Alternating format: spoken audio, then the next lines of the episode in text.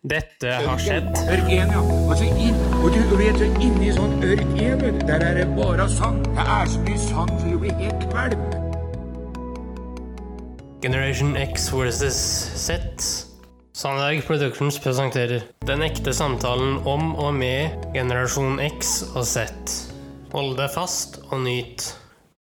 Hei, hei, kjære lytter, og hjertelig velkommen til dagens episode av Generation X versus Z. Og i dag, kjære kompanjong, så skal vi avslutte 1700-tallet med 1780 til 1800. Det skal vi. Og da har du forberedt en hel masse serie. Jeg har faktisk eh, tatt en liten research, og det er utrolig mye som skjedde i den perioden. Eh, både i Norge, men ikke minst også utenlands. Ja, øh, og bare så det er nevnt, så satt jo kong George 3. på den engelske tronen. Ja da. Skal prøve å være litt snille og gode, godhjerta, skal vi ikke det? Prøve, i hvert fall. Jo da. Vi når ikke helt det målet i dag heller, men eh, Nei, men det er lov å prøve. vi, ja, ikke sant? vi har en sterk ambisjon om det. Men Ja. kan du kalle det 1780-1800 som altså Det blir iallfall det jeg har blitt fortalt når jeg har tatt en research her. Det er konfliktårene. Ja. Utrolig mange kriger rundt omkring. Ja, ikke sant. Og revolusjonene sto i kø. Ja, ikke sant, ja. Men i dag så tenkte jeg skulle ta opp en historie som eh, er sann, men Ja. som eh, jeg kan trekke en parallell til dagens situasjon i Norge og Europa. Ja, øh, og de fleste historiene her vi har tatt opp, er jo sanne. Ja, ja, ja, ja det er ikke noe science fiction, dette her. Det er rett og slett eh, vi er, Så så vi kalle oss sånn sannhetsvitere? Nei, Eller blir det litt sånn litt klysete? nei, jeg synes det blir klysete. Ja, Ja, men, ok, vi dropper den. Du kan jo si at det er hobbyhistorikere. Kanskje. Ja, det kan vi jo kanskje gi uttrykk for, da. Mm. Ja. Har du hørt om juniopptøyene, Henrik? ja, jeg har hørt så vidt om det, ja. Det var faktisk i Kristiania, altså i dagens Oslo. Og det begynte i eh, 13. juni, altså på sommeren. Ikke eh, sant, på sommeren, 1795. Ja. Jeg, jeg tenkte jeg skulle fortelle deg, Henrik, en eh, liten historie om juniopptøyene. Eh, og så tenkte jeg at vi skal liksom drøfte den litt. grann, ja. Og kanskje også se den i dagens lys. Og se om vi kan treffe noen fellespunkter. Ja, så du skal rett og slett sammenligne Ja, vi skal gjøre det. Og så skal vi se. Eh, spørsmålet er gjentar historien seg? er spørsmål én. Ok. Punkt nummer to er lærer mennesker noen gang av sin egen historie? Punkt nummer to. Ja. Og punkt nummer tre hvor dumme er egentlig menneskeheten? ja, altså det er jo greie punkter, da. Men Ja da, det er for så vidt greie punkter. Men historien lyder følgende i hvert fall. at gikk det rykter at han som drev handel og var en meget rik person, en kammerherre ved navn Bernt Anker Ja. Det gikk rykter om at han var i ferd med å planlegge å eksportere bygg, rug, gryn ja. til Frankrike. ja. Så var det mengder arbeidere som rett og slett kapra skipet og kjørte det videre til tollboden i Kristiania. Grunnen for at de gjorde det, det var rett og slett at de, de ville at myndighetene skulle finne ut om dette her var lovlig eller ulovlig. Ja, Hva var det som er så gærent med det, egentlig? Politiet, altså politimesteren, Ja. likte jo selvfølgelig ikke det. Og han Bernt Anker han ble jo fly forbanna, naturlig nok. Mm. Eh, og det ble jo bråk, da. Det ble jo store demonstrasjoner og arrestasjoner. Mm. Og det endte jo med at de demonstrasjonene ble såpass høylytte og så mangfoldige at eh, politimesteren i eh, Kristiania turte ikke å gjøre så veldig mye, men eh, friga mange av de som ble arrestert. Ja. Han Bernt Anker derimot, han sa på sitt vis i et avhør følgende Et sådant oppløp henger for en del sammen med allmuens misunnelse over visse huses fortrinnelige velstand. Eh, ja vel?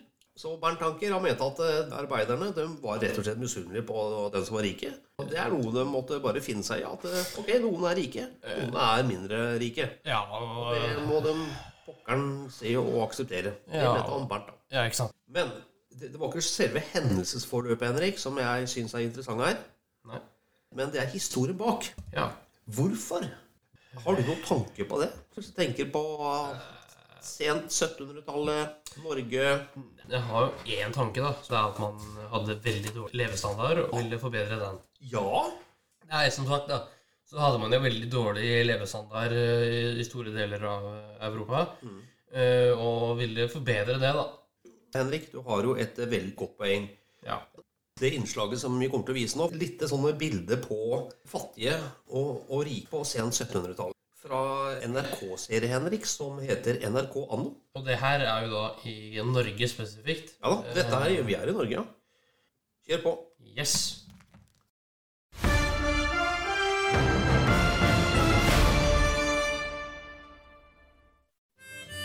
Mye har skjedd på matfronten de siste 250 årene. Vi har god råd og tilgang på matvarer fra hele verden.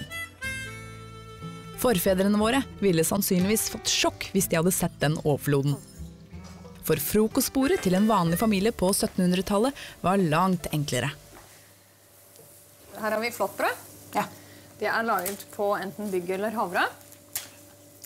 Og til dette flatbrødet så hadde de da sprit, kornbrennevin. Så hadde man gjerne De kunne kanskje ha smør eller litt pultost eller noe sånt hvis de hadde litt mer penger. Og det ensidige kostholdet var fattig på næring. Mangelsykdommer gjorde folk svake. Årsaken til at folk rett og slett døde av oppblomstringer av pest eller andre sykdommer i løpet av 1700-tallet, var at de hadde jo ikke et immunforsvar, fordi det var så svekket av at de hadde spist Flatbrød og drukket sprit. Ja. De rike, da? Hvordan hadde de det? Dette er jo et eksempel på et frokostbord hos de rike. Vi kan jo oppsummere det med at eh, de spiste godt og mye. Og relativt ofte. De rike startet dagen med kaffe, en nymotens greie som ga status og viste at du hadde penger. Og da drakk man gjerne en kaffe med to-tre sukkerbiter i. Tusen takk. Frokosten kunne bestå av surdeigsbrød, forskjellig kjøttpålegg og ost. Og rødvin, selvfølgelig. Til frokost. Til frokost. Skål. Så det er liksom her på slutten av 1700-tallet at vi begynner å kjenne igjen vårt kjøkken. Det er mye mer smak. Altså det, er mer, det er mer mangfold. I tillegg til bare korn så har de også proteiner. De har ikke så mye grønt, da. Ferske grønnsaker fantes det lite av. Sesongen var kort, og andre ting var mer lønnsomme å dyrke.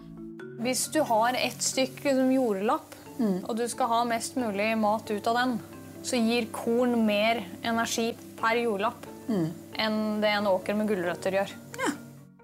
Og poteten for eksempel, kom seint til Norge.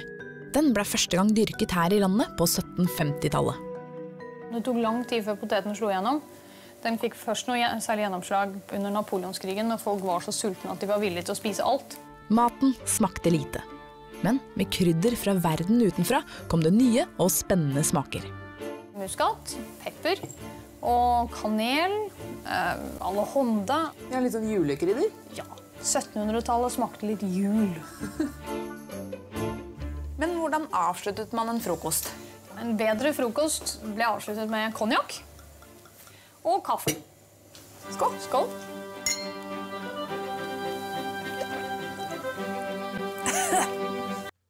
Ja, jeg hørte jo reaksjonene til eh, Seldak. La deg merke til beskrev ikke fattige folk, at det var Nei. noen få som var fattige, Nei. men betegnet seg som vanlige folk. Ja, eh, De spiste bare flatbrød, og kanskje, hvis de hadde litt råd, litt smør. Eh, Og kanskje ost. Hvis man har det i tankene, det vi hørte der, Henrik, om maten, så må man også se til hva perioden omhandlet, egentlig. Fordi Ja. var den like etter frigjøringskrigen i USA og revolusjonskrigen i Frankrike? Ja. På bakgrunn av den revolusjonen og den krigen så var det stort manko i Europa på trevirke, faktisk. Og det som var nok av i Norge på den tiden, var trær. Så Norge de hadde kjempemye statsinntekter. de. Og så ble det selvfølgelig noen som ble veldig, veldig rike. Det igjen ikke medførte at eh, kornprisene og andre matvarer føk i været. Ergo så ble det et større klasseskille på 1790-tallet mellom vanlige folk og de rike. Og eh, staten innførte forbud mot eksport av nødvendige varer, som korn, gryn og den type ting. Og det gjorde staten fordi den ville eh, sørge for at befolkningen skulle ha førstepri. Ja. Og det i seg selv var jo litt kunstig gjort, da, syns jeg nå, da, Ja. av dansk-norske staten Så på den tiden. jo Ja. Og nå skjønner vi kanskje opprøret som skjedde i Kristiania 13.6.1795, når eh, arbeiderne tok tak i skipet til Bernt Anker og dro båten inn til tollboden, slik at myndighetene skulle se var det korn i lasten. Eh, Nå har vi liksom et, kanskje et større bilde på hvorfor. Men Henrik, hør nå her. Ja. Nå kommer et refleksjonsspørsmål til unge herren Ja. og til din generasjon. Ja. Ok. Ja. Sett eh, bakgrunnsbildet fra 1790-tallet Mm. Og til dagens kall det 2020-tallet. Kan vi kalle det? Ja. Det kan jo være at jeg er farga av en del ting, men det kan være, iallfall, sånn som jeg ser det Kan man trekke noen sammenligninger 1790-tallet til dagens 2020-tallet? Jeg tenker da Norge og Europa. På 1790-tallet så var det krig. Ja. I dag er det krig i Europa, Henrik. Ukraina. Ja. Den som drar nytte av eh, krigen i dag, er Norge. Som eksporterer veldig mye olje, ikke minst gass, til Europa. Ja. På 1790-tallet så eksporterte Norge mye trevirke eh, til Europa. Ja. Plutselig, pga. krig. Ja. Pga. den store eksporten av gass, og gassprisene øker, så blir den norske stat eh, veldig rik. Eh, det ble også Norge til 1790-tallet Ja. pga. eksport av trevirke. En nødvendig vare som eh, er i 2020-tallet i dag, er eh, energi, strøm og mat. Det er helt nødvendige ting som plutselig eksploderer av prisøkninger. Det skjedde også på 1790-tallet, hvor bl.a. korn, som var et stort nødvendigvare, føk opp i pris.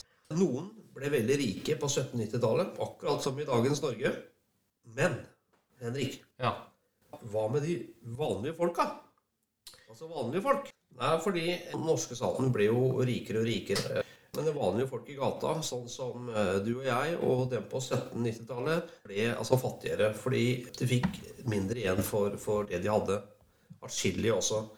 Eh, og det ble mer og mer misnøye, og ergo så fikk vi en del opprør rundt omkring i, i Norge. Ja. Eh, Et eksempel er dette juniopptøyet. Men spørsmålet til deg, kjære Ja. sønn. Du er jo i en annen generasjon enn meg, da. Og Ja. tror du, eller har du en oppfatning av, eller tenker du vanlige folk i dag i Norge kommer til å lage litt mer opprør enn det vi har sett de siste 20 årene? Er det sammenlignbart, tenker du, eller er det ikke? Det er sammenlignbart, men ikke på det nivået. Ikke på det nivået. Det er sammenlignbart på Altså grunnprinsippene er sammenlignbare. Ja. Det er det. ja. Tror du det kommer til å skje noen endringer da? Nei, Nei. det kommer nok ikke til å gjøre det. Nei. Eh, hvert ikke sånn jeg ser det. Eh, Nei. Hvorfor ikke? Nei, det er jo fordi uh, verden er i en såkalt uh, stalemate. Altså man har ikke gjort så veldig mye av den type da, eh, før. Og man er veldig fremmed. Eh, Ja. Så man vet ikke hvordan man skal hanskes med det. Men nå som man har noe konstant eh, i form av en konflikt som påvirker eh, hele verden og mer til, så da vet man jo ikke hva man skal gjøre, fordi det er kontinuerlig. Fordi det er kontinuerlig? Ja. Hvis jeg skal tolke deg rett, at det kommer egentlig ikke til å skje så forferdelig mye? Ja, akkurat fordi Ja. det er eh, kontinuerlig. Eh, Og da vet man ikke hvilke midler man skal bruke for å stoppe det. Nei, men Da sier jeg tusen takk for dine refleksjoner, Henrik. Og jeg syns det er veldig godt at vi ser eh, verden litt forskjellig. Nei, men så bra. Skal vi balansere med litt eh, noe annet? Ja, vi kan gjøre det. Har du noe på trappen? Ja, jeg har det, vet du.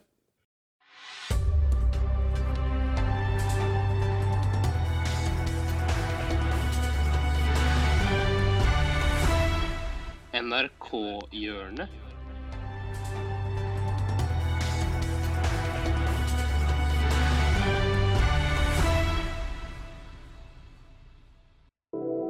ja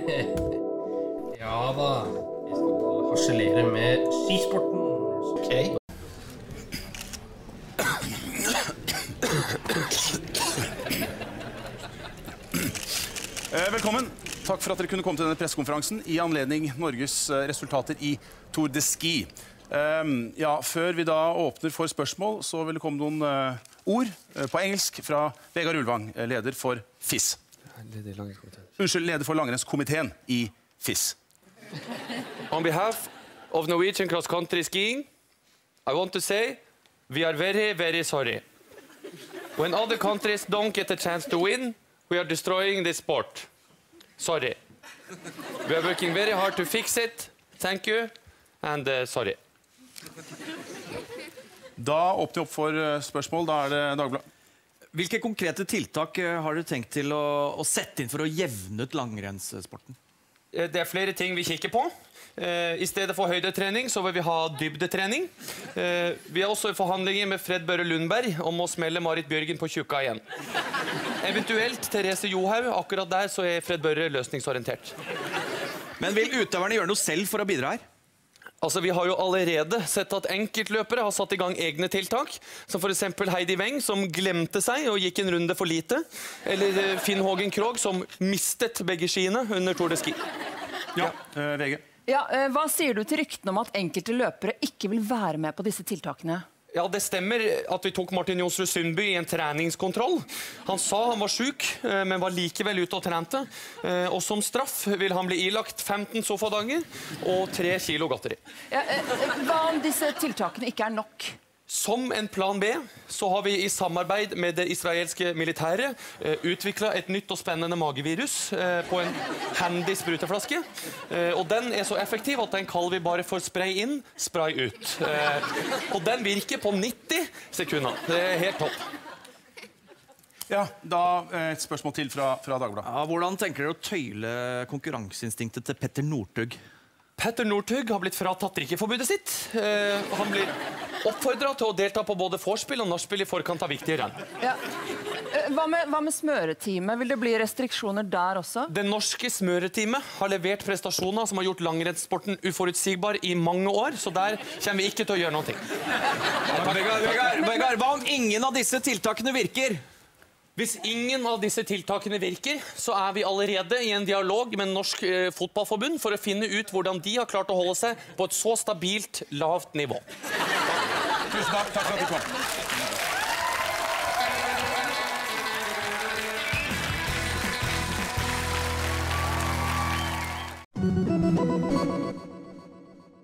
Ja, det var eh, artig, det, Henrik. Nå er 1700-tallet på hell her. Og 1800-tallet står for dør. Hva kommer?